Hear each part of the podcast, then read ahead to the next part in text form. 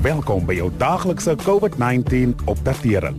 Veral die nuus en wiskundige antwoorde om ingelig te bly. Saam sal ons dit klop.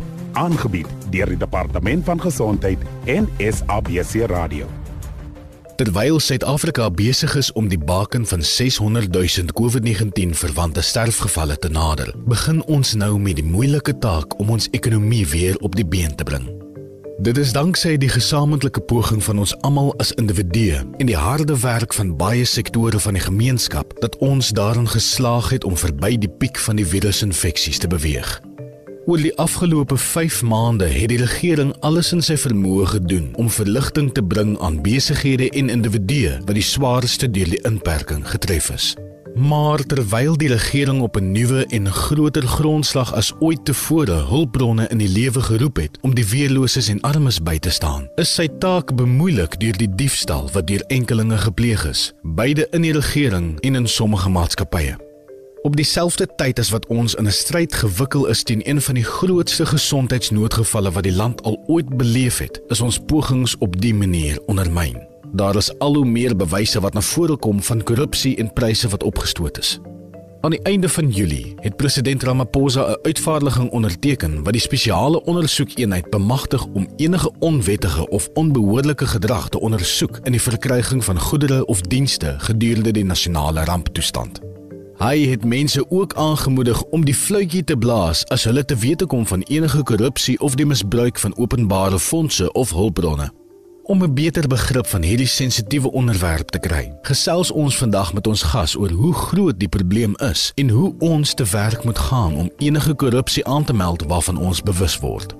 Na afloop van hierdie insetsel sal al die kontaknommers waar 'n mens korrupsie kan aanmeld op die Sikaba COVID-19 Facebook bladsy beskikbaar wees. Ons verwelkom dus vir Dr Henk Boshoff, kommissaris by die Staatsdienskommissie van Suid-Afrika. Dokter Boshoff, ons hoor sulke ontstellende stories van korrupsie en die misbruik van geld wat vir COVID-19 verligting en projekte geoormerk was. Weet ons hoeveel daarvan misbruik is? Ons weet nie hoeveel geld misbruik is of deur wie nie of van watter bronne af dit kom nie. Die spesiale ondersoekeenheid, oftewel die SOE, beraam dat minstens 2 1.2 biljoen rand betrokke is. Meer as 100 maatskappye in Gauteng word vir moontlike COVID-19 tender korrupsie ondersoek en dan is daar vrae oor munisipaliteite. Die COVID-19 hulpfonds vir munisipaliteite is ook onder verdenking. Daar is duidelik korrupsie aan die gang in beide die privaat en die openbare sektor. En dit is waarom die president 'n komitee aangestel het om ondersoeke te stel met verteenwoordigers van die tesourier, die polisie en ander departemente. Ja, skrikwekkend om die minste te sê, veral as mense in ag neem hoe sleg dit met die ekonomie gaan. Elke dag hoor ons in die nuus daarvan. Wat gaan met hierdie misdadigers gebeur? Die mense op voedselvlak, hulle wil sien daar moet aksie wees. Uh, ja, dis uh, regtig kommerwekkend dat mense hierdie situasie uitbuit. Die hele wêreld is ekonomies in die knyp as gevolg van die inperkings en in Suid-Afrika is miljoene mense werkloos terwyl al hoe meer besighede toemaak. Dit is onaanvaarbaar dat brood uit mense se monde gehaal word as gevolg van korrupsie met fondse wat vir COVID verligting bedoel is. Daar is reeds verskeie ondersoeke geloods binne sowel as buite die regering. As die SOE die nodige bewyse vind, moet die betrokke persone vervolg, beboet en gestraf word.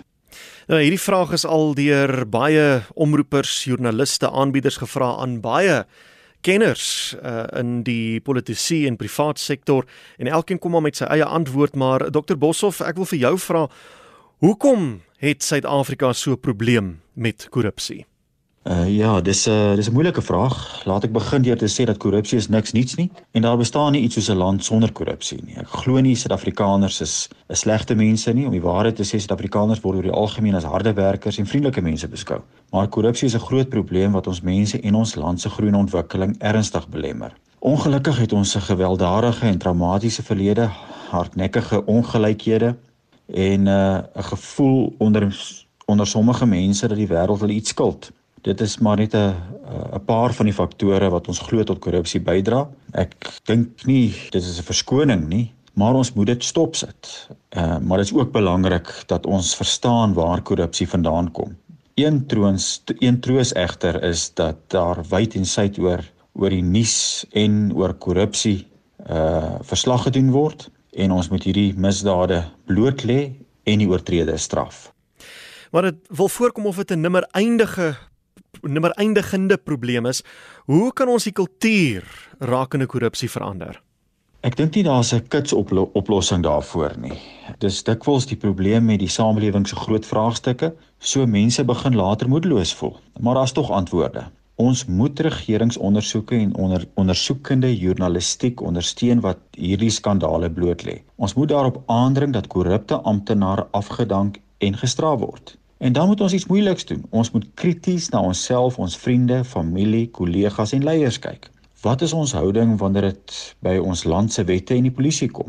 Sal jy omkoopgeld betaal om 'n verkeersboete te ontduik? Ons weet tog hierdie dinge gebeur. Sal jy wederregtelik 'n besigheidstransaksie vir 'n vriend bewimpel? En hoeveel keer hou ons mekaar rekenpligtig vir ons dade?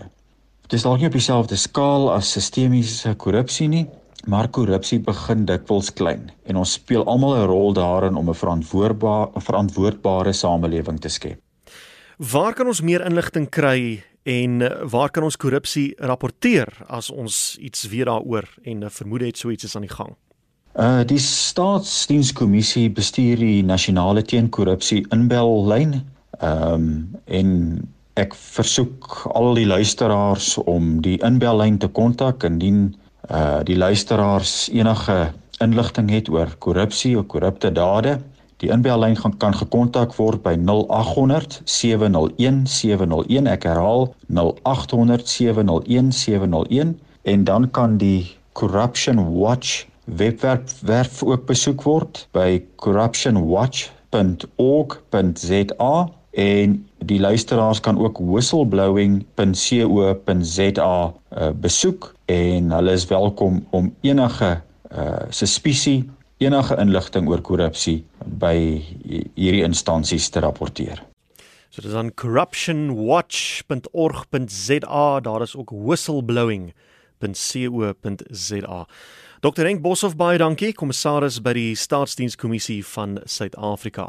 Onthou ook om môre dieselfde tyd by ons aan te sluit, so 'n omgewing van kwart voor 6, wanneer ons gaan praat oor hoe COVID-19 'n besondere impak op ouer mense het en hoe elkeen van ons kan help om hulle in hierdie tyd te ondersteun.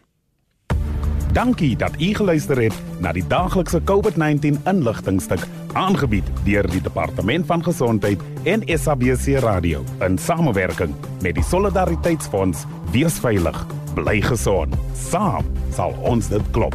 Suid-Afrika.